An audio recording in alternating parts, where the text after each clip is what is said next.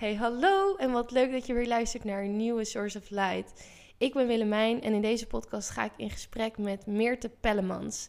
En Meerte is voice dialogue coach, spiritueel coach. Nou ja, ze, ze doet een hoop, dat zal je ook meteen wel horen. Ehm, en in dit gesprek, het wordt heel saai, maar eigenlijk hebben we weer precies hetzelfde gesprek wat ik met, ja, waar deze podcast over gaat. Dus over dat lichtje in jezelf vinden, over schaduwwerk, over Jungiaanse psychologie, over uh, spirituele ontwaking, over het verschil tussen het stoffelijke en het onstoffelijke, het licht en het donker. En wat ik heel interessant vond, uh, wat voor mij nieuwe informatie was, was echt hoe voice dialogue dan precies werkt.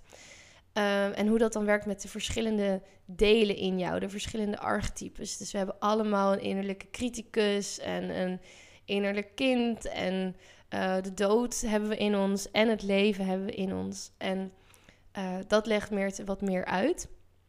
En dat vond ik heel verhelderend. En um, ja, ik, uh, het was een heel fijn gesprek. We stopten de laptop om 44, uh, 55, hoe heet het? Want ik zie het op mijn laptop, zie ik de tijd altijd van de opname. Uh, op 44, 55 en mijn laptop was 88% En het was 11 uur 44. Dus uh, dat is een leuk detail.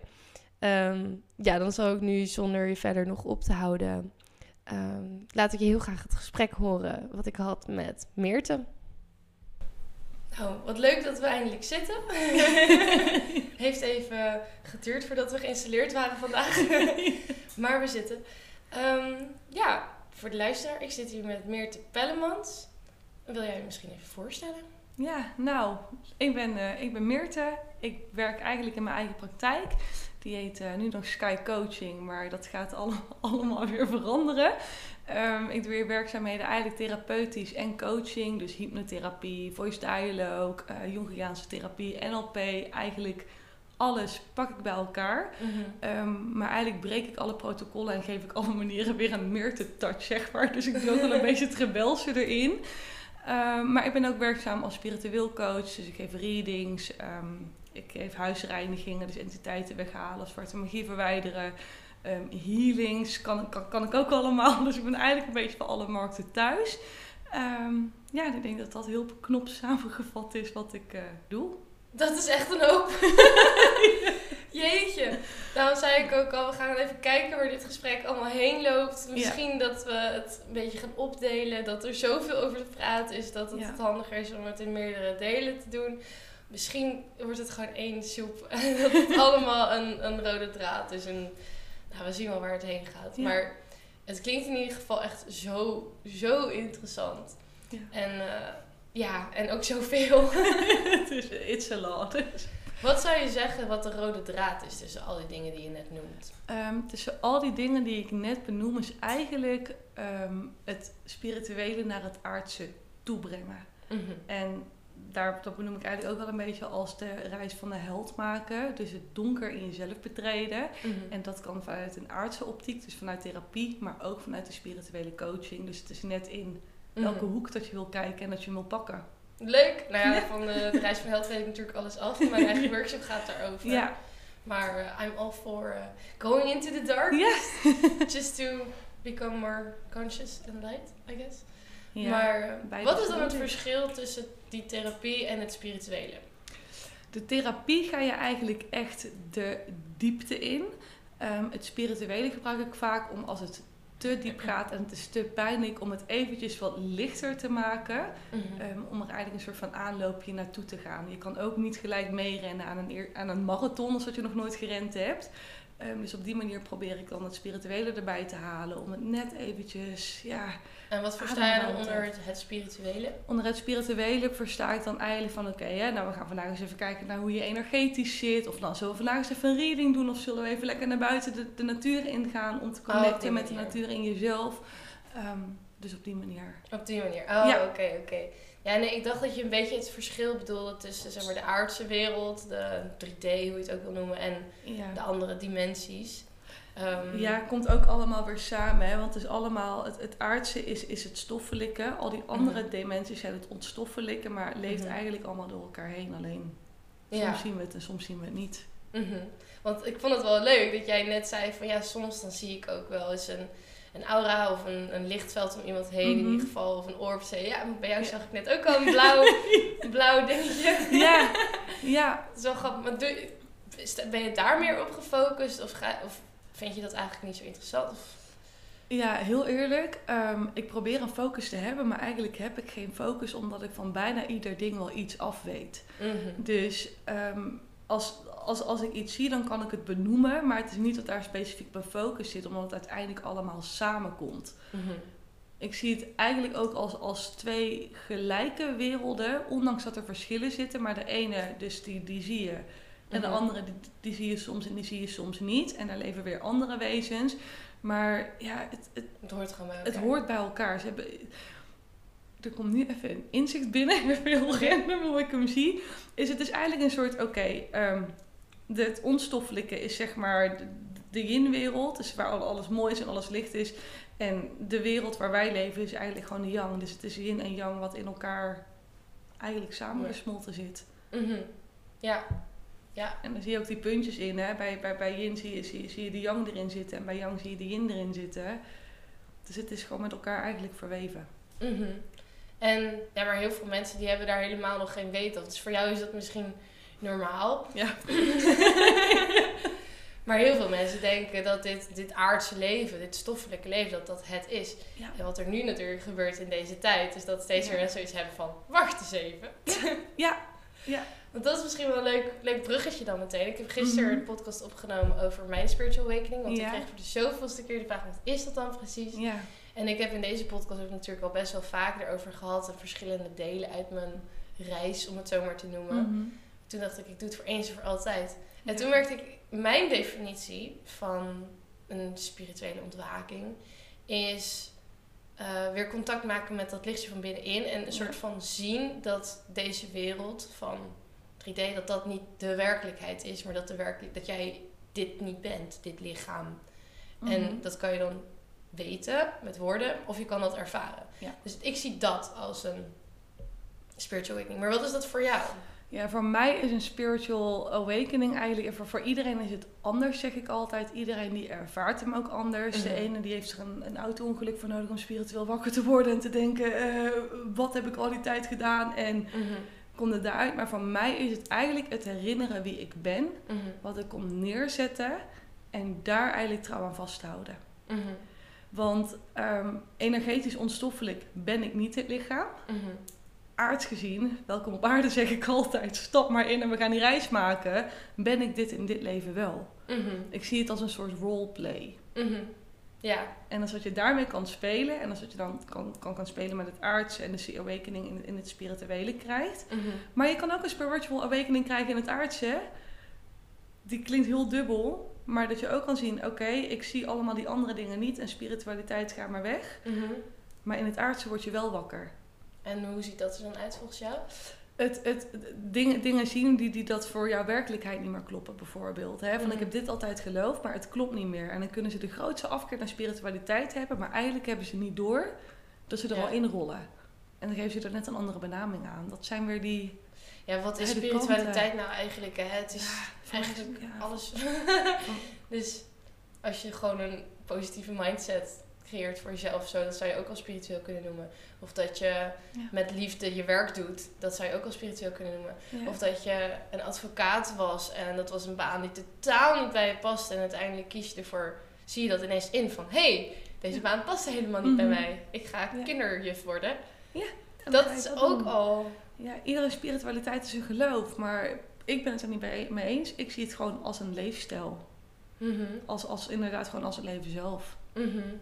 En meer dan dat is het niet. Dus e- eigenlijk is het ook geen hocus pocus. Tenminste, voor mij is het geen hocus pocus. Voor mij is het normaal. En hoe was voor jou dan die, die awakening? Dat, wanneer was dat moment? Ehm, ik heb denk ik meerdere momenten in mijn leven gehad. Het begon al heel erg jong. Dat Mhm. ik dingen zag en dingen voelde en dingen op de gang hoorde. Dat ik dacht, nou, volgens mij klopt er hier iets niet. Of ik begin gewoon gek te worden. Mhm. Dus als kind kwam die al. Ik hoorde zelfs de wind praten en, en, en noem Oh, maar wow. op. Ik, ik hoorde het echt. Nou, toen was ik bang. Dus toen, Mhm. hoppakee, deksel erop. Ik wil er niks meer, niks meer mee te maken hebben. Mhm. En toen kwam die eigenlijk terug op mijn zeventiende. Mhm. Ongeveer. Als het precies 17 jaar was, weet ik niet meer. Maar rond die leeftijd. Toen ging ik naar Bali heen. Altijd Bali. Kom, kom, die nog een keer. Toen kwam ik terug uit Bali. Toen, toen werd hij nog groter. Want toen kwam ik weer terug in een depressie. Dus eigenlijk tussen mijn... Ja, laten we zeggen tussen mijn vijftiende en mijn twintigste heb ik de grootste fase gehad. Oké, en wat bedoel je met dan kwam, kwam die weer? Ja, op mijn vijftiende heb ik een depressie gekregen. Mhm. Ehm, door dingetjes die dat in mijn leven gebeurd waren. Ik had een doodswens. Ik denk, weet je wat, ik hoor hier niet. Ik ben toch niet goed genoeg. Eh, ik wil uit het leven stappen, zeg maar. Zo diep zat Mhm. ik erin. En toen kwamen er eigenlijk allemaal kleine dingetjes en kleine lichtpuntjes. Dat ik zo zat van, oké, ondanks die depressie vind ik dit wel mooi en dat wel mooi. Maar ik ging er ook weer mijn gaven in ontwikkelen. Mm. Dus daar zat hij ook al in. Dus Eh, je voelde een klein beetje die spark. Ik vond het, ik, ik heb Ja. ook best wel diep gezeten. Of, eh, ik heb nooit, nooit gehad van ik wil dood. Dat gelukkig Mhm, niet. Maar ik heb wel heel vaak gehad van ik hoor hier niet. En ik weet dat ik niet dood kan gaan. Maar, dat voelde ik heel sterk. Dat ik geen Ja. zelfmoord kon plegen of wilde plegen. Want er is altijd Mhm. hoop. Ja. Maar ik zag het even niet allemaal. nee. En toen kwam ik er inderdaad achter van, oh wacht, er is altijd een lichtpuntje. Dat, of dat, Ja. dat is er, dat kan je vinden. Soms dan voel je gewoon eventjes die spark of Ja. dat licht eigenlijk. Ja, en als dat je hem niet binnen in jezelf kan vinden op het moment, ga dan naar buiten. Mhm, Ga dingen opzoeken en fotograferen met je lievelingskleur. mhm, En als dat je dan in die put zit, ga dan kijken naar datgene, want dat gaat je perspectief geven. Ja. Dat is ook wat ik met suïcidale cliënten in de praktijk nu aan het doen ben. mhm. Niet gelijk bam koken door de kerk en kijken waar het vandaan komt. Nee, perspectief krijgen, kracht opzoeken. Er is ook licht. Er En is dat ook even licht. ervaren. Ja, Ja. kijk, kijk, maar, kijk maar in de nacht. Ja. Ja. nu zit licht buiten. nou, vaak zien we de maan, zien we de sterren. Mhm. Het zijn allemaal lichtpuntjes. Het is nooit 100% donker. Ja. Maar het is Ja. ook nooit 100% licht. Want er is Mm. altijd wel een schaduw bij van de bomen. Mhm. Ja, dat is die hele dualiteit waar we in zitten natuurlijk. Ja, Ja. en die dualiteit maken we voor onszelf alleen maar groter. alles, ja, alles is een, is een reflectie. Mhm.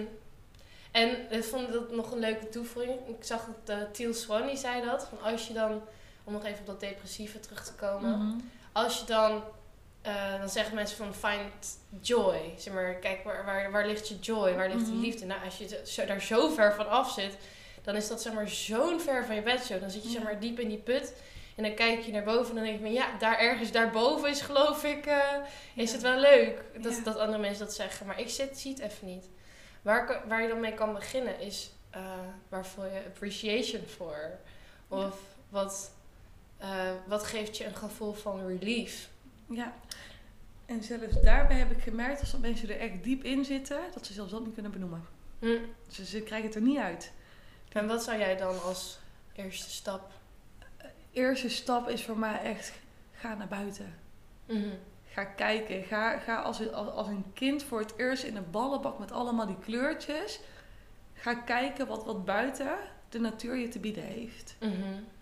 Komt het hoofd leeg? Hebben ze, dan, dan is, tijdens wandelen is er geen ruimte om te denken. Mhm. Vooral, vooral niet tijdens wandelsessies. Want dan ben je alleen maar aan het kijken. Vaak is het stil. Mhm. Oh, kijk daar die eend. Mhm. Die is mooi. Ja, die is mooi hè. Maak er maar een foto van. Oh, die boom daar. Vind je die mooi? Ja, nou, leg hem vast. Mhm. Dan ben je bezig, zijn ze uit het hoofd, hebben ze even niet die gedachten, want dan eigenlijk, ja, dissocieer je ze even daarvan. Maar je associeert ze met de natuur en ook de natuur is een weerspiegeling in jezelf. Mhm. Ook daar liggen antwoorden in. Mhm. Als dat je even niet met mensen kan zijn, ga naar buiten, ga over het strand wandelen. Het kosmos werkt altijd mee. Er komen altijd dingen op je pad dat mensen dan even niet kunnen spiegelen, maar bijvoorbeeld de zee of, of vogels of wat dan ook wel. Ja. Ja, ik vond dat een heel mooi besef. Dat Ja. uiteindelijk zijn wij natuurlijk allemaal, dat, dat stoffelijke, om dat zo maar te noemen, dat Ja. bestaat allemaal uit dezelfde eh, basis, namelijk moeder aarde. Ja. En vaak zitten we zo in ons hoofd dat we dat vergeten. Mhm. Dus ik heb wel eens het gevoel dat als je dan weer terug gaat naar de natuur, dan ga je weer terug naar je eigen blauwdruk ook. Zeg maar je eigen. Ik heb het gevoel dat de natuur, moeder aarde, Gaia, wat je er ook allemaal aan wil Mhm. geven, die heeft haar eigen tempo een beetje. En als jij weer je meer gaat focussen op dat tempo en dat meer gaat zien en daarop gaat intunen, dan voel je je vanzelf rustiger worden. Dat en ook omdat de natuur is niet alleen buiten, maar ook jij zelf bent de natuur. Precies. Kijk maar wat dat er gebeurt even ja, bij- bij, geslachtsgemeenschap. Mhm. Er ontstaat een baby die gaat groeien. Gebeurt ook bij dieren. Mhm. Gebeurt ook bij bomen. Plant maar een zaadje. Er komt een, een babystekkie Mhm. en die gaat Het is groeien. leven. Het is het leven. Ja. Dus je kan het altijd in jezelf opzoeken. Mhm. Voel je, en wat dan ook een hele leuke oefening kan zijn, wanneer dat je niet goed bij je gevoel komt om het, of het uit kan spreken. Mhm. Ga eens voelen met je ogen dicht en, en gewoon simpel vraag, stel jezelf gewoon die vraag: wat voor weer is het binnen in mezelf vandaag? Super simpel, is het zonnig, waait het? Je hoeft nog niet eens aan het verdriet en die woede of, of, of die suicidaliteit of wat dan ook te denken. Mhm. Maar voel gewoon even wat voor weer dat het is. Ja. En als je dat met iemand bespreekt, dan kunnen er ook wel andere inzichten uitkomen. Er zijn heel veel tricks voor om ook weer inderdaad die natuur binnen Mhm. jezelf op te zoeken. Ja, dat is wel leuk. Want eh, nou, mooi sowieso in je lichaam zitten en dat voelen, dat, dat brengt je al gewoon meer in het nu. Ja. En meer op aarde en minder in de, in de stress, stress, stress. Ja, En, want uiteindelijk zit het dan allemaal in je hoofd, denk ik. Of hoe, waar, waar, komt, waar komt stress vandaan? Waar komt depressie vandaan? Misschien is dat een hele grote vraag hoor. maar- ja, het is natuurlijk verschillend. Maar wat ik in. eh, het zijn natuurlijk allemaal labels. Laat, la- Mhm. laat ik daarmee beginnen. Het is een label die dat je op iemand plakt. ja. Van oké, yo, jij bent eh cliëntje nummer eh 1100, weet ik veel. En je hebt paf, label, depressie en zoek het uit. Weer een hokje. Even Weer een in het hokje systeem. in het systeem. En ehm, je hebt dan de keus als persoon om je daaraan vast te houden Ja. of om, om, om het verder te doen. Maar voor mij is, is een depressie gewoon een vervreemding van het zelf. Mhm. Want als jij dingen meemaakt, het, het, dan ga je ook weg van je kern. Ik hoor heel veel mensen zeggen, ja, op school wordt, wordt- wordt niet geleerd om met je emoties en je gedachten op te gaan. Mhm. Maar school, extern hoef jij dat niet te leren. Het is jouw helderreis. Mhm. Dus jij mag dat zelf ontdekken. Mhm.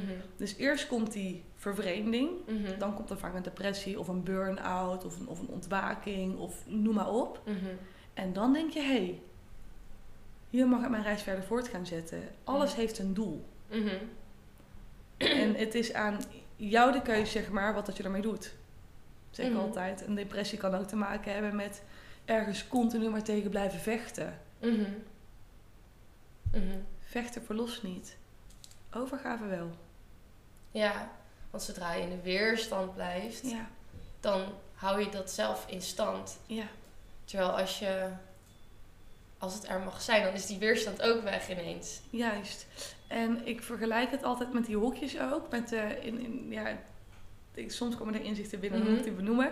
Eh, in het tarot heb je de gehangene. En ik gebruik zelf de Crowley eh tarot. En bij de gehangene hangt hij eigenlijk aan, aan, aan een ank, zeg maar, in die tarot. Die staat eigenlijk voor alle levensenergie en de lessen en noem maar op. Mhm. Daaromheen zit de slang, dus de transformatie heeft hij zelf in de hand. Maar achter die gehangene, er zitten allemaal hokjes. Mm. Wat dus ook wil zeggen dat 9 van de 10 keer je ook echt de gehangene bent, omdat je jezelf in dat hokje houdt. Mhm. Vanuit als ik eruit stap, ben ik, er, ben, ben ik misschien te veel. Als Ja. ik eruit stap, lachen ze me uit. Ja. Als, ik, al- als ik eruit stap, ben, ben ik misschien niet meer goed genoeg. Ja. Dus je blijft die gehangene totdat je zelf beslist om er afstand van te doen. Ja. ja, dat is heel grappig, want elke keer komt het eigenlijk ook in deze podcast, komt het daar weer op neer. Dat lichtje in jezelf en dat daar allemaal lagen omheen zitten. Ja. En dus, dus als een soort van lampenkappen om een lampje heen of een hokje waar je jezelf in plaatst, labels, eh, overtuigingen, programmeringen, angsten. Eh, die weerstand.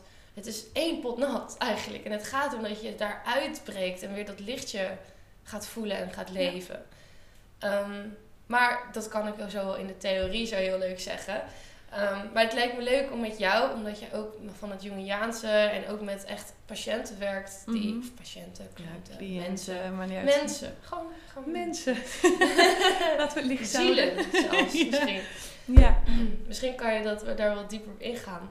Mm. Want je, zei, je zei, noemt het net al even van die labels en zo. Ja, dat Mhm. gebeurt natuurlijk in het systeem nu heel erg. Dat mensen die krijgen dan het label depressief of Ja, het label. logisch ook. Ik zeg ook altijd, ehm, ik persoonlijk vind het systeem verschrikkelijk. Mhm. Maar alles wat tastbaar is, Mhm. is het systeem. Mhm. Ik ben tastbaar. Jij bent tastbaar. Dus ook wij zijn onderdeel van het systeem. Ehm, als ik, al zou ik uit het systeem willen stappen, om naar een ander land te gaan, om daar te gaan wonen, heb ik het systeem nodig om in, die om in dat vliegtuig te kunnen stappen Ja, en naar dat land heen te zijn er kunnen. allemaal Dus onderdeel van. we zijn er allemaal onderdeel van, maar het is hoe dat je daarmee omgaat. Mhm. En voor mij is het een blessing geworden, en dit probeer ik dus ook altijd aan cliënten mee te geven. Ehm, overal waar weerstand zit, is een schaduw van jezelf die je niet wil zien. Mhm.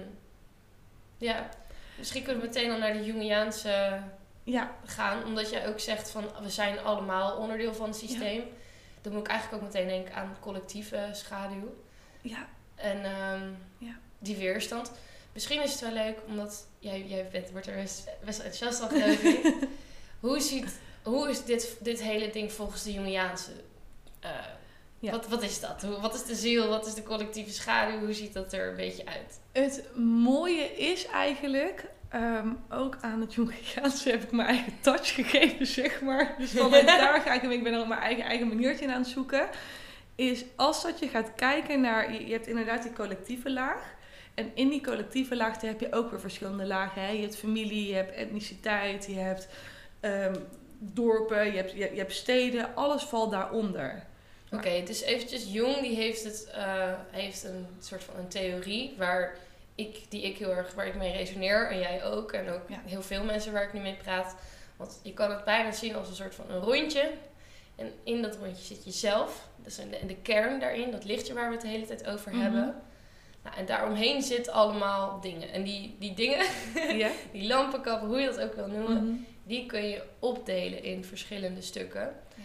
Ehm, dus je hebt inderdaad een collectieve. Je hebt sowieso heb je eerst het bewuste Ja. en het onbewuste. Ja. Maar eigenlijk ben ik het nou aan het uitleggen en eigenlijk wil ik dat jij dat gaat Ja. doen. Nou, waar ga ik beginnen? Want we kunnen het inderdaad over, over, over die collectieve laag gaan hebben. Daar zit alles gewoon opgeslagen. Ik ga hem zo beknopt mogelijk proberen te pakken, want anders wordt het misschien te ingewikkeld. Ehm, daar zit eigenlijk alles van al die biljoenen mensen en onze voorouderen en die ouderen daarvoor, zeg maar, Mhm. zit alles in opgeslagen. Mhm. Dus daar kampen we al mee. Maar is, dat altijd, is dat altijd onbewust of kan dat ook bewust zijn? Het, het opslaan, Eh, die collectieve laag. die kan bewust zijn op het moment, denk ik, wanneer dat je hem door hebt. Maar als dat je hem niet door hebt, dat je erin zit, dan Ja. blijft hij onbewust. Dan blijft hij in de schaduw. Dus bij veel mensen is die onbewust. is hij onbewust.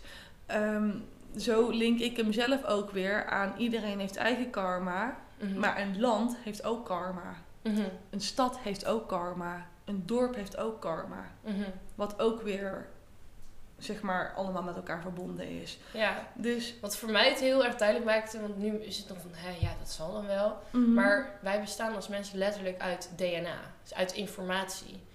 En jij, als je, als je beseft van je bestaat voor de helft van het DNA van je moeder en voor de helft van vader, Ja. en dus van je vaders lijn en van je moederlijn, dan ga je ineens beseffen van, oh ja, ik draag inderdaad die informatie letterlijk in mijn lichaam mee. ja, En ja, dus dat even als note. dat. Maar ook alles is met elkaar verbonden.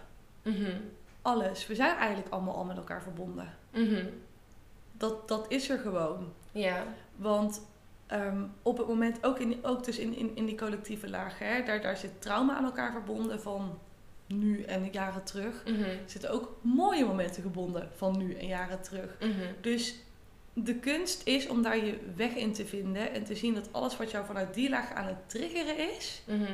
dat het ook in je persoonlijke schaduw zit. Mhm. En dan kom je weer op een stukje vanuit de opvoeding. Oké. vanuit familie. Als ehm, simpel voorbeeld even vanuit mezelf. Vroeger werd mij altijd verteld, jaloers zijn is een slechte eigenschap. Mhm. Ehm, ik had een vriendin, die moest alles hebben wat ik had. Mhm. Alles, die was altijd jaloers. En ik verafschuwde dat zo extreem erg. Mhm. Dat ik denk van, wat, ben je nou jaloers, weet je wel? Doe nou gewoon eens even normaal, dat hoeft toch allemaal niet? Dus ik plakte daar een label op van, joh, jij bent jaloers, Ja. ga maar weg. Mhm. Toen had ik nog niet de kennis die ik nu had. Want nu weet ik dat dit dus eigenlijk puur en alleen een reflectie is van iets had ik zelf nooit heb mogen zijn. Mhm. En zo werkt die schaduw. Namelijk Dus- jaloers. Ja, het is een glimp van de schaduw. Vaak zie je hem ook nog niet helemaal, maar dan komt er gewoon even een glimp Mhm. vanuit een persoon. Mhm. En dus als je er verder dus op, op, op ingaat, wat, wat- wat ik nu zelf ook al een tijd aan het doen ben, kom ik erachter, ja, maar dat deel zit verstopt in mij. Ja. En dat mag ik niet zijn. En daarom verafschuw ik het. Mhm. Nu heb ik het deel weten te omarmen. En nu kan ik hem ook erkennen van hé, hey, maar ik heb het ook wel eens. Mhm. Dus het komt vanuit die opvoeding mee, het komt vanuit school mee, het komt vanuit familie mee.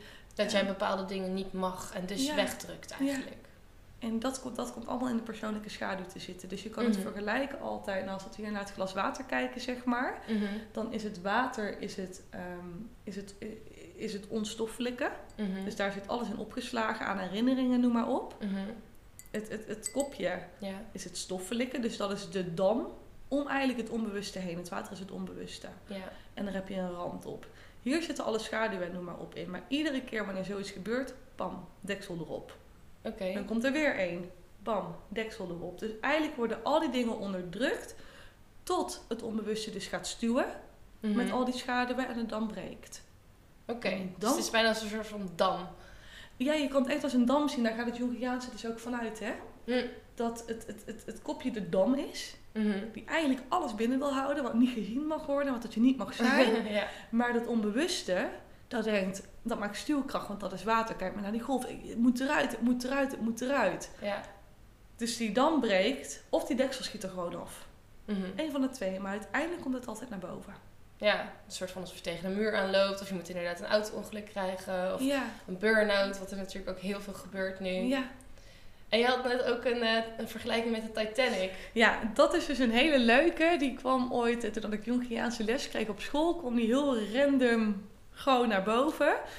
Ehm Jungiaans gaat ook, die analyseren alles, hè. Het zijn Mhm. eigenlijk gewoon, ja, het analyseren. Mhm. Films kun je analyseren, je kan mensen analyseren, boeken analyseren. Dromen. Dromen kun je analyseren. Zelfs getallen, het zit ook weer verbinden met wet van synchroniciteit. Maar dan gaan we een hele andere kant even op. Dus die ga ik even parkeren.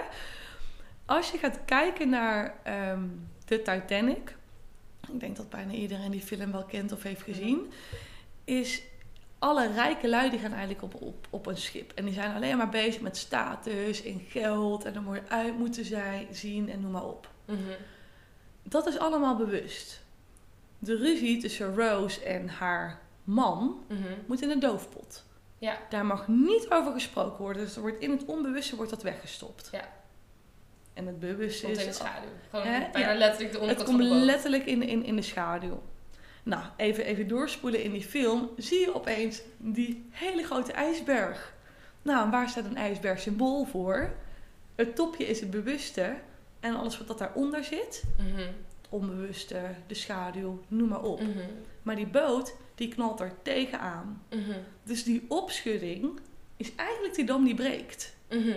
En dan raken ze allemaal in paniek. En dan komen die emoties omhoog. En dan, dat is dus eigenlijk alles wat zo lang weggestopt is, bam, schiet eruit. Mhm. Dus eerst was het allemaal, oh, het is allemaal goed en bla bla bla bla. Ja. Een soort van de persona, heet het, dat masker. Dat Masker. hoe jij je voordoet in de wereld. Ja. Dat, die avatar die je zelf uitkiest. Of Ja. het zinpoppetje. Ja, En dan komt er een klap en dan val je gewoon bijna letterlijk in het water. En dan komt ook ja, niet alleen het water om je heen, maar ook het water in jou, zeg maar, komt eruit. juist. Je emoties en Ja, je angsten en weet ik het wat allemaal. Ja. en je kan het zien als eigenlijk ehm, ook heel mooi als het in het water komen staat voor de dood. Hè? Want heel veel mensen zijn daar overleden. Mhm. Maar iedereen die het overleefd hebben, die komen in een wedergeboorte te zitten. Want ze zijn gaan beseffen van, hé, hey, wat we hier hebben gedaan, is niet hoe het hoort. Ze Mhm. worden een stuk milder voor zichzelf en voor die buitenwereld. Mhm. Dus als je op die symbolen gaat letten, kan je er al heel veel uithalen. Ehm, kijk bijvoorbeeld naar eh, Jungle Book. Mhm. Mowgli en de slang. Ja, Slang staat voor de schaduw, maar ook voor de transformatie. Mhm. In die film zie je dus eigenlijk dat die slang helemaal om Mowgli heen komt en eigenlijk in zijn greep heeft. Totdat hij zichzelf vrij kan maken uit de schaduw en in zijn eigen kracht kan gaan staan. Mhm. En zijn heldenreis gaat weer door. Ja, Er zitten zoveel symbolen in en het zijn er te veel om op te noemen. Daar zijn geloof ik zulke dikke boeken voor, weet je wel, waar alles in uitgelegd staat. Maar ga je daarop letten, worden de dingen helder. Vind ik zo leuk, hè? Ja. Om ook op die symbolen te gaan letten. Ja. Zijn alle symbolen, eh, is dat altijd collectief, dat een slang staat daarvoor? Of, want ik, volgens mij kan het ook dat een slang voor jou persoonlijk voor iets kan staan. Kan. Of, Het is zeg maar zo bekeken, je hebt altijd zeg maar een algemene uitleg, dus die collectieve uitleg. Maar je komt het tegen in jouw persoonlijke situatie. Mhm. Dus ik denk dat het collectieve wel blijft, dus die transformatie of de schaduw. Mhm. Maar met die symbolen eromheen, wat maakt het voor jou dat je die slang nu op dit moment tegenkomt? Dus wat Ja. mag er veranderen? Mhm. Hetzelfde was ik laatst een eh, wandelsessie aan het doen in Scheveningen. Mhm. En een vis kan staan voor financiën, kan staan voor gevoelens of kan staan voor schuldgevoel. Mhm. Dus wij lopen over dat strand en ze wou specifiek stoppen op een plek. En er lag een dode vis. Dus ik zeg tegen haar van... maar zag je die vis al of stopten jullie eerst en toen zag je die vis? Of Nou, we stopten letterlijk voor die vis en we hadden hem nog niet gezien. Zegt ze, Oh. eeuw, ligt er nou een dode vis? en ik denk gelijk, hé, linkje. Ik zeg, heb je ergens schuldgevoelens over losgelaten? Gewoon verder niks. Mhm. En ze zegt, ja, weet ik eigenlijk niet, moet ik over nadenken. En we lopen verder. Zegt ze, ja, ja, dat klopt, om dit, dit en dit. Ook een symbool. Dus als je die symbolen weet te herkennen, weet je wat het voor jou kan betekenen. Het Ja. kan een bevestiging zijn of het kan een wake-up call zijn. Ja, En snap je ze nog niet, ja, dan komt er gewoon een devastation. Weet je wel, dan gaat alles gewoon even stuk en stort het in. Hm. Ehm, en dan wordt het allemaal duidelijk. Oké, mooi. Ja, ik vind dat heel leuk dat je, eh, want ik gebruik dan inderdaad vaak triggers. Dat zijn een soort van pijlen naar Mhm. je onderbewuste. Mhm. Want dat, dat spiegelt het dan, want jij ziet iets in de buitenwereld en jij, er, of, of je, je wil dat heel graag hebben. Ja. Dus dat wordt dan een soort van attraction of Mhm. jaloezie of dat. Ja. Omdat je, dat, dat is dan een stuk wat je in jezelf hebt weggestopt, wat je buiten jezelf ziet, waarvan je denkt, dat wil ik heel graag. Ja. Maar het zit al in jou. Dus dat is een soort van pijl dan naar binnen. Ehm, of een ding wat je, wat je juist denkt van, oh, dat vind ik echt verschrikkelijk in de buitenwereld. Ja. Dat is ook een leuke pijl naar binnen, want dat is Ja. dus blijkbaar ook iets wat er nog niet van zijn voor jou Ja. in jouw schaduw. Ja. Maar op die manier keek ik naar. Maar nu denk ik inderdaad van, oh ja, ook die symbolen, dat is ook een soort van pijl naar je onbewuste. ja. Dat is echt, eh, echt heel leuk. Het is ook geen hocus pocus, hè, want het is ook altijd ook bijvoorbeeld symbolen in, de, in, de, in het tarot bijvoorbeeld. Iedereen het is allemaal magisch, maar alles komt vanuit je onbewust, omdat je de hele dag door aan het spiegelen bent. Mhm. Een mens doet niks anders. Ja. ja. Het is allemaal helemaal niet zo magisch eigenlijk. Het is gewoon heel Eigenlijk zacht. is het heel normaal. Het is allemaal je onderbewuste. Je kan het zo magisch maken als dat je het wil. En het is, het is prachtig, hè? begrijp me niet verkeerd. Het is prachtig. En soms gebeuren er wel dingen, vooral als dat je in die synchroniciteit zit. Mhm. Dat er dingen gebeuren die te toevallig zijn om toevallig te kunnen zijn, zeg maar. Hè? Mhm. Dan denk je, wow, weet je wel, ik ben in de zevende hemel. Ik Hoe zit in nou? man. Ik zit in een flow. Dat. Ja. Ehm, maar als het je dan weer heel aardig gaat pakken, denk je eigenlijk, ja, makes sense. Wel? En dat is de kunst. Het, het, het, het spelen tussen beide werelden ook. Ja. En ehm, ja, ik vond dat Jung daar heel goed in was.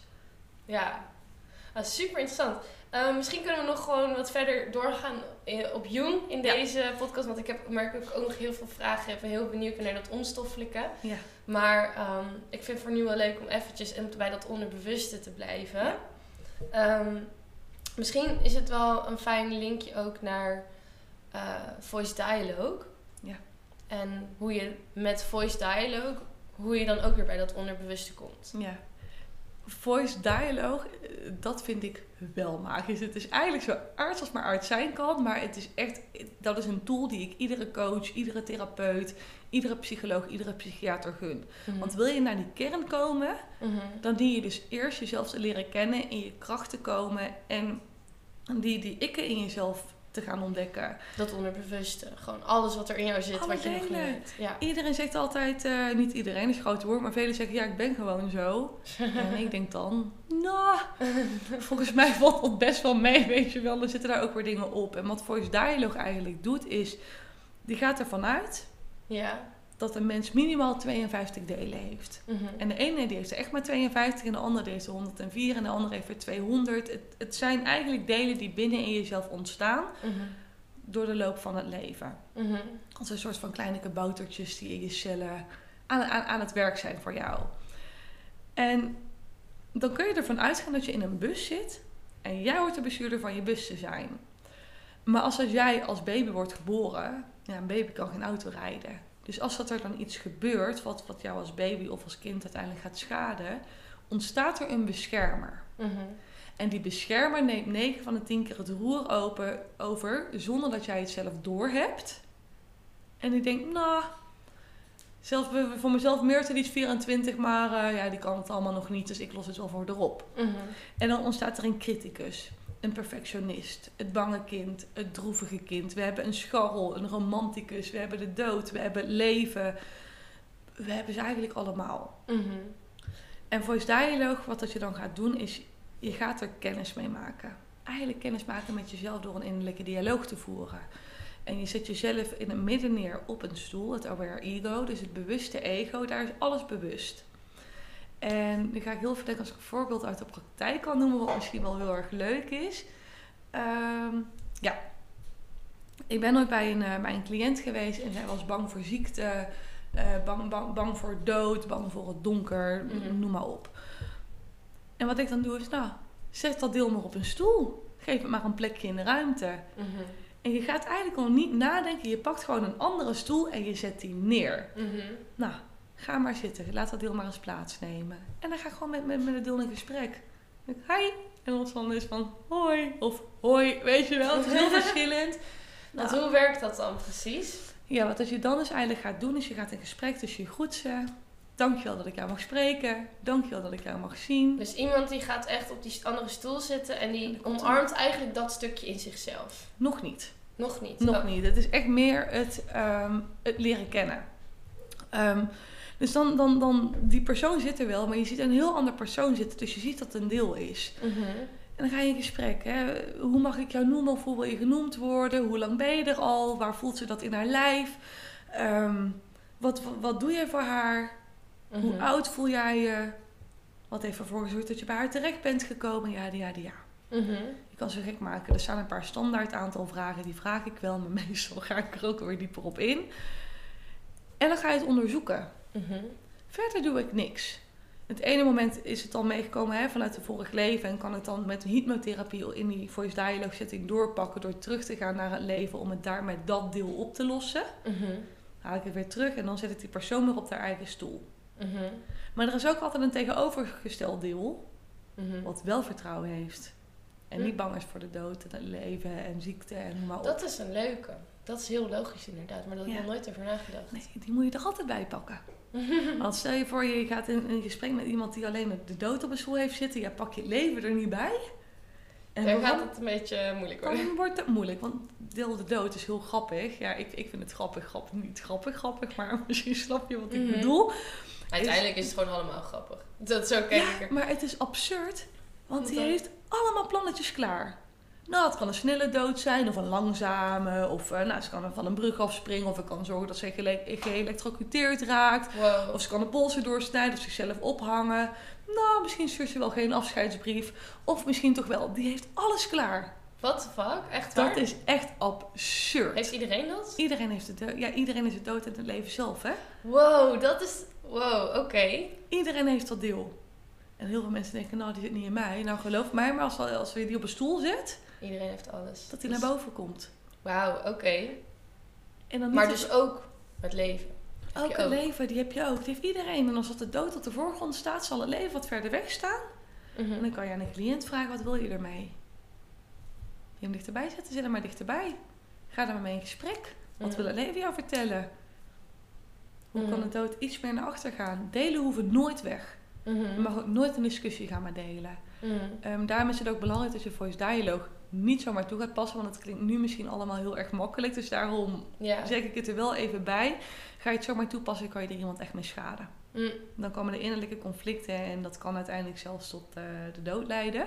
Oké. Ehm, als je het niet goed aanpakt, dus je moet wel echt weten hoe je het doet. Dus don't try this at home, Dus zeg maar. nu, je kan in gesprek gaan met die delen, maar dan moet je nog wel eventjes weten hoe dan precies. Daar is scholing voor nodig. Ja. Dat is echt, dat is ook lekker eh, systeem weer, maar het is echt nodig, want anders schaadt je iemand en dan... eh, ja, ja, dat Ja. geloof ik wel. Je moet Dat- wel in balans blijven, die delen, zeg maar. Dat, je mag ook nooit in discussie gaan. Ik hoor heel veel mensen binnen de GGZ die dan naar mij toe komen.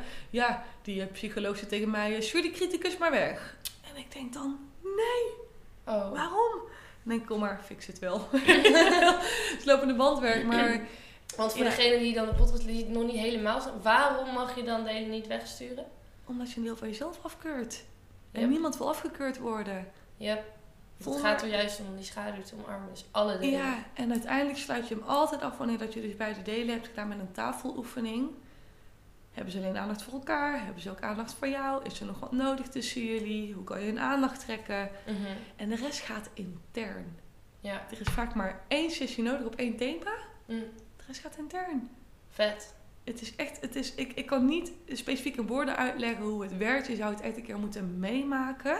Ja, Eh, maar je kan in, in één sessie iemand van de angst afhelpen. Mm. Het punt is wel, je kan ook clusters aan delen hebben. Een groepje aan beschermers. Oh ja. Dus als jij een beschadigd innerlijk kind hebt, dan kan er een criticus voor zitten, een perfectionist voor zitten. Die er allemaal voor kunnen zorgen dat het kind niet mag praten. Oké.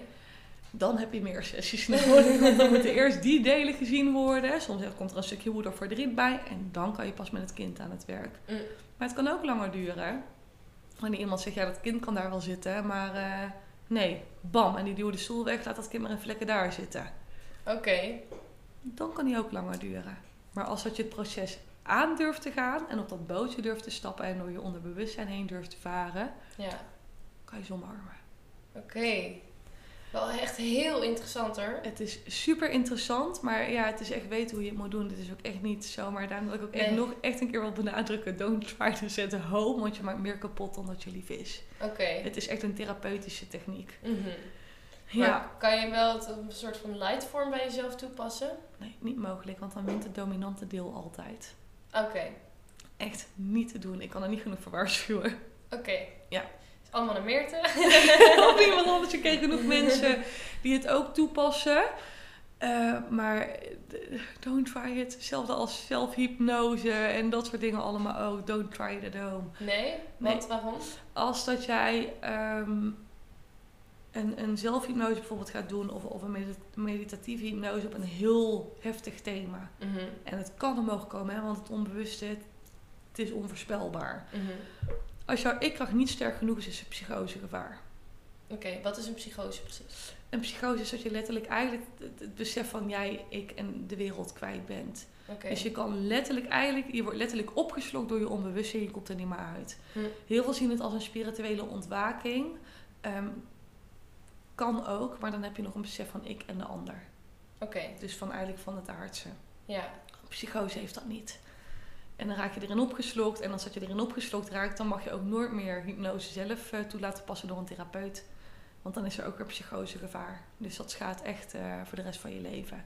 Want wat met een hypnose, dan ga je eigenlijk naar je onderbewuste. Ook is weer een andere tool eigenlijk. eh, maar die zet ik zelf meestal in wanneer iemand zijn ik-kracht sterk genoeg is. Mhm. Omdat ik dan zeker weet, je kan niet in een psychose schieten. Want emoties, die stuurkracht wat ik net zei, dat kan zo overrompeld raken dat hij dan breekt. Mhm. Dus ik kan niet meer zwemmen, ik kan niet meer zwemmen en je gaat kopje onder.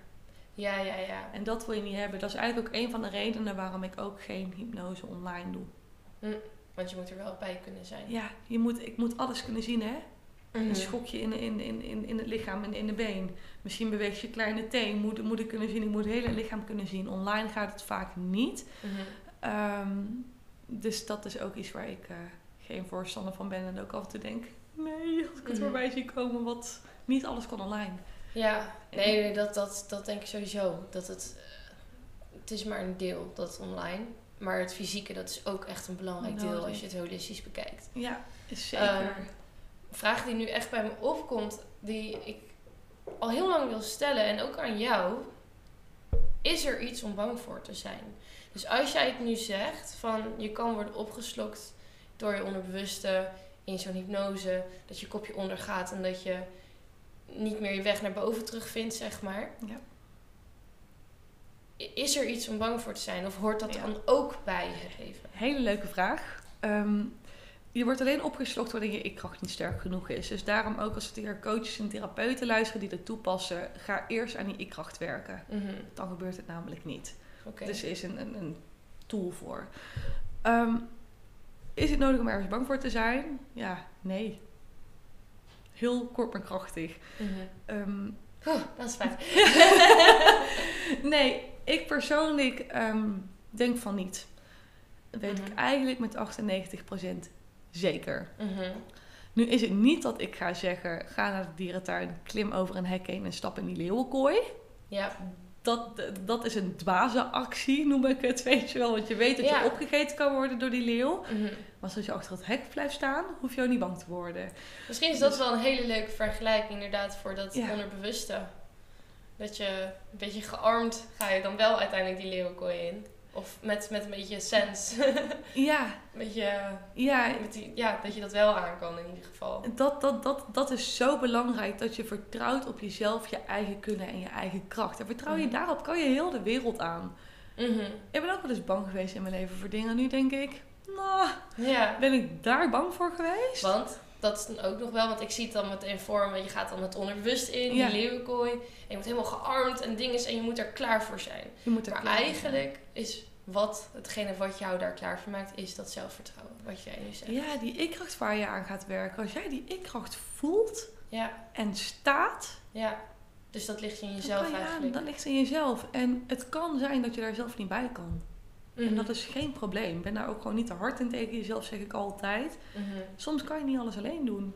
Ja, En er zijn tig mensen, en ook tig goede mensen, die je daar echt gewoon de juiste ondersteuning bij kunnen bieden. mhm. Je kan niet de wereld in je eentje dragen. nee, dat hoeft ook zeker niet. Nee. Maar ja, voor mij is altijd het, het hoofdding geweest. Altijd zo gevoeld, er is, zijn twee keuzes. Angst of liefde. Ja. Angst of vertrouwen. Zodra je dat vertrouwen voelt, ook al is het in jezelf, ook al is het in het leven, Mhm. dan kan er eigenlijk al niks meer misgaan. Nee, ja. Ofwel, want het is ook weer licht en schaduw. Oh, wel dus. Het loopt altijd in elkaar samen. Soms gaan dingen mis, maar dingen gaan niet zomaar mis. Ja, Dan zit er altijd een les in. ja. Het is niet allemaal liefde. Mhm. Het is ook niet alle, alle- allemaal donker. Nee. Zeg maar, het is niet alleen maar licht, het is niet alleen maar donker. Het komt altijd samen. Mhm. Dat is ook de reden waarom het donker nooit 100% zal verdwijnen. Dat kan niet. Dan, Nee, dan ja. kan je niet voorbestaan. Dan Dan is krijg je, geen yin en leven yang, meer. krijg je een hele gekke yin en yang figuur. Ja. Helemaal wit bolletje. Ja, en uiteindelijk, het heeft elkaar nodig. Mhm. Liefde en haat heeft elkaar nodig. Ehm, blijheid en verdriet heeft elkaar nodig. Stel je alles, alles is alles vlak. Dan kan je net zo goed voor de rest van je leven in antidepressiva gaan. Want dan voel je helemaal niks meer. Zo vergelijk ik hem altijd. Antidepressiva is, is iets nampen, zeg maar. Iets verdoven. Stel je voor dat alles licht is. Dan kan je nooit meer een onderscheid maken. ja, Als alles liefde is, kan je nooit meer een onderscheid maken. Maar als alles woede en haat is, ja. kan je ook nooit meer een onderscheid maken. Maar toch heb ik wel het gevoel dat we nu wel met z'n allen in een tijd zitten dat we wel meer in die liefde mogen. Dat er nu een, echt een periode is geweest van dat we echt zijn vergeten wie we waren. En dat we heel erg in, die, in, die, ja, in dat systeem hebben gezeten, in die lage frequenties. En ik heb nu wel echt het gevoel dat er een omslagpunt is en dat er steeds meer, ja, ik zie bijna als lichtjes die op de aarde gaan schijnen. Ja. Echt wel. Ja, dat zeker wel, maar die schaduw blijft. Dus er Mhm. komt een shift, die is bezig, die is al heel lang bezig en die wordt sterker. Mhm. Maar die schaduw die blijft, want die schaduw die zorgt ervoor dat we dingen leren. We leren nu allemaal, ehm, vooral in deze tijd, te herinneren wie we zijn en wat we komen doen. Mhm. Ik zie bij heel veel mensen voorbij komen en mensen worden wakker. Van, Mhm. worden wakker als, als door een roosje zie ik het altijd, Ja. die, die, uit die slaap ontwaakt, weet Ja. je wel. Ook een Ehm, leuke vergelijking. Ja, maar stel je eens voor dat we nooit verwijderd waren geweest van onszelf. Mhm. Oh, die ontwaking nooit gehad. Ja. Dan was dat ook namp geweest, zeg maar. ja. Dus ook het systeem zie ik persoonlijk ook met die ontwaking nu Mhm. als een hele grote leerschool. Ja, man. Want als docent en mensen me niet hadden verwijderd van, van, van wie ik was, hoe was ik het dan nooit gaan ontdekken? Ja. Dus als het hoe, hebben dieper, je- hoe dieper je hebt gezeten, hoe, hoe langer je Ja. weg was omhoog weer. En hoe meer je on, on the way hebt geleerd. En ja. Hoe meer avonturen je eigenlijk hebt Ja. beleefd. En mensen kunnen jou niet leren... Lessen dat je als je- ziel. Ja, en mensen kunnen jou niet helpen leren om te gaan met je emoties. Dat kan alleen jijzelf. Mhm. Want het is jouw helderheid om nog één keer terug te pakken. Het is jouw boek. Mhm. En in jouw verhaal ben je de held en bij de andere ben je de schurk. Mhm. Maar toch Dus, denk eh, ik dat het wel een beetje uit balans is geweest. Want ik geloof wel in, ja, gewoon dualiteit. Dat is eh 2D en daarna is dus het gewoon misschien een soort van 3D. Met eh, Ja. verleden, heden, toekomst. Ja. eh, breedte, hoogte, diepte. Ja. Eh, en dan heb je de rest van de dimensies, zeg maar. Maar ehm, ik heb wel het gevoel dat het nou wel echt uit balans is geweest. En dat er donker overheersend is geweest. En dat het nu tijd wordt om wel in 3D dan te leven, maar wel vanuit verbinding. En wel vanuit die kracht. En wel vanuit dat licht. En er zullen altijd lessen blijven komen. Want nou ja, je, je bent altijd bezig nog als ziel. Je bent niet Mhm. he- helemaal licht. Want er zijn nog dingen te ontdekken voor jou. Er zijn nog st- schaduwstukken om naar boven te komen. Ja. Eh, triggers, weet ik het wat Ja. allemaal. Maar dat is het spel. Ja. Ik zeg altijd, het is zo uit balans geweest als dat je zelf uit balans bent geweest. Want alles is een reflectie. Maar we zijn dan Dus- ook wel collectief met z'n allen misschien een beetje uit balans ja, geweest. dat iedereen, hè. Het is, je kan het vergelijken als... ehm, je hoort heel vaak, bijvoorbeeld tijdens die demonstraties... liefde, vrijheid, geen dictatuur. En dat is tegenwoordig wel veranderd. Hm? Liefde, vrijheid, democratie hebben ze het eh, omgedoopt. Maar Ja, oké, maar om hem even die als voorbeeld te pakken. Mhm. Dus wat heb je al die tijd op je, op, op je afgeroepen? Eh, Geen liefde, geen vrijheid, mhm. maar wel een dictatuur. Hoe harder je er tegen instand, hoe meer hetgene gaat manifesteren wat je eigenlijk niet wil. ja, want dan geloof je eigenlijk dat dat er nog niet is. Juist. En het heeft ook te maken, ga al, ga al die biljoen mensen maar eens vertellen van, eh yo jongens, eh, ga eens lekker schaduwwerk doen. Mhm. Iedereen is verantwoordelijk. Voor zichzelf, Ja, maar ook voor het collectief. ook voor het collectief. Want we kunnen blijven zeggen, en dit is een inzicht die ik echt recent heb gekregen, zeg maar, ik denk een paar maanden terug. We kunnen blijven wijzen naar alles en iedereen die nu de wereld schaadt. Mhm. Dus naar alle regeringsleiders en noem maar op. Mhm. Maar ik heb ook een Mark Rutte binnen in mezelf leven. Mhm. Die leeft ook in mij. Die leeft in iedereen. Is ook een schaduw. Want hij mag er niet zijn. Hoe meer ik dat naar buiten ga brengen, hoe harder ik mezelf ontken. En hoe minder ik mezelf kan omarmen met, met de lichtkanten en de donkere kanten. En denk je dan dat het uiteindelijk. Oké, dus, dus dat weten we. Dus zeg maar, er is een Mark Rutte en je hebt een Mark Rutte in jezelf. Om hem even zo beknopt te noemen. Ja. Ja. Moet jij dan de Mark Rutte in jezelf omarmen? En op wat voor manier maakt dat dan deze wereld en jou lichter, zeg maar, meer bewust? Kijk, als jij je schaduwwerk gaat doen, Ja. Word je steeds meer verlicht. Mhm. Op het moment dat je meer verlicht raakt, wordt de wereld om je heen ook verlicht. Mhm. Want hoe de wereld in mij speelt, dat is hoe ik naar de buitenwereld kijk. Mhm. Door die bril. Mhm. En zo is dat bij ieder individu. Ja. Dus vandaar dat ik ook zeg, we zijn allemaal verantwoordelijk. Want we kunnen allemaal een pisang aan blijven wijzen, zeg maar. Van jij, jij doet dit en jij doet dat en jij doet zus en jij doet zo. Maar er is weinig, steeds meer, maar er zijn er nog steeds weinig... die echt naar binnen willen gaan keren om hun eigen dingen op te lossen. Mhm. En wanneer al die biljoen mensen dat zouden gaan doen... en ik heb er ook een beeld bij doorgekregen... Mhm. dan verandert het pas. Ja. Ja, mooi ja. Dat is de redding. Als jij jezelf redt, Ja. plant je dat zaadje voor de wereld. Ja. En gaat het collectief mee. Ja. Ben je alleen maar aan het wijzen en aan het spuwen en er tegenin aan Echt het weer dat verschil tussen de slachtofferrol en Juist. Creator worden van je eigen leven en ownership nemen over Juist. je eigen.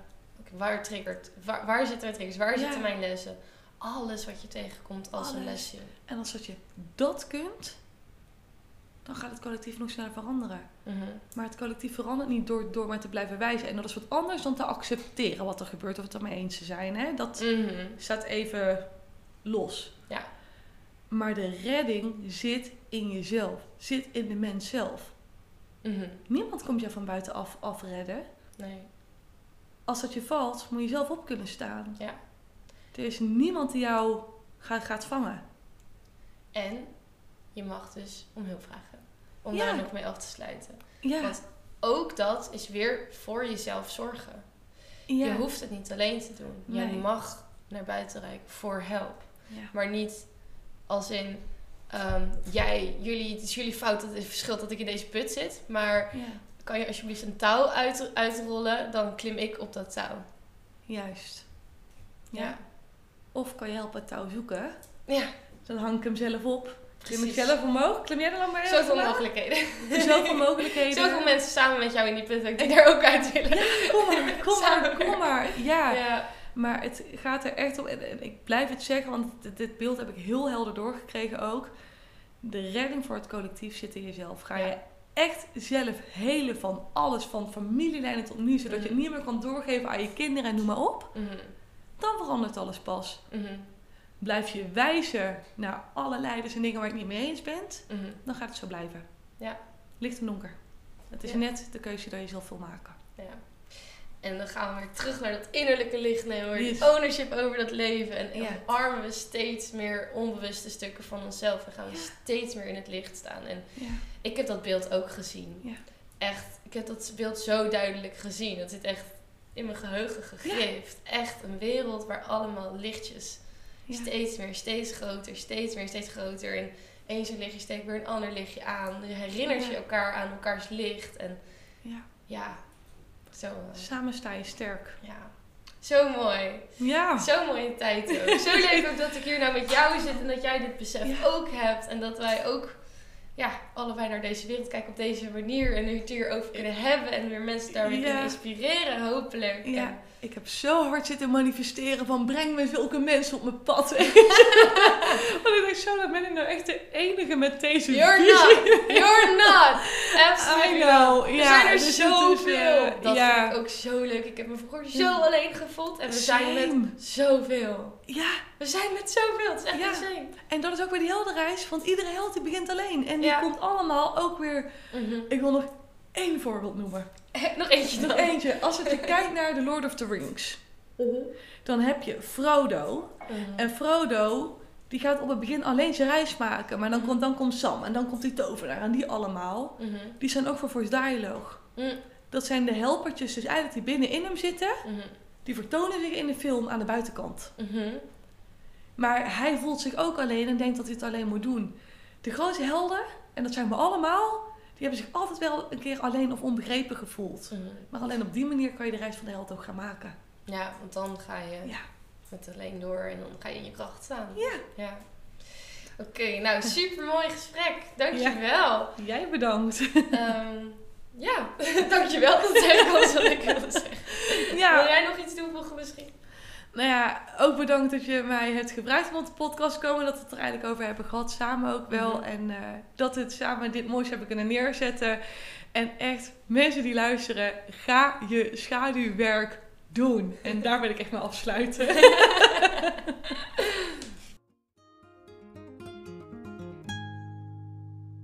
Ja, dat was hem weer. Hartstikke bedankt voor het luisteren. Als je geïnteresseerd bent in wat Meerte nog meer doet of te vertellen heeft, of je wil een afspraak bij haar maken, wat ik me heel goed kan voorstellen naar wat ze heeft verteld over Voice Dialogue, dan kan je haar het beste vinden op Instagram, Meerte Pellemans. En het linkje staat natuurlijk zoals altijd in de beschrijving. En eh, dan wil ik je nog een hele fijne dag wensen. En tot de volgende keer. Doei!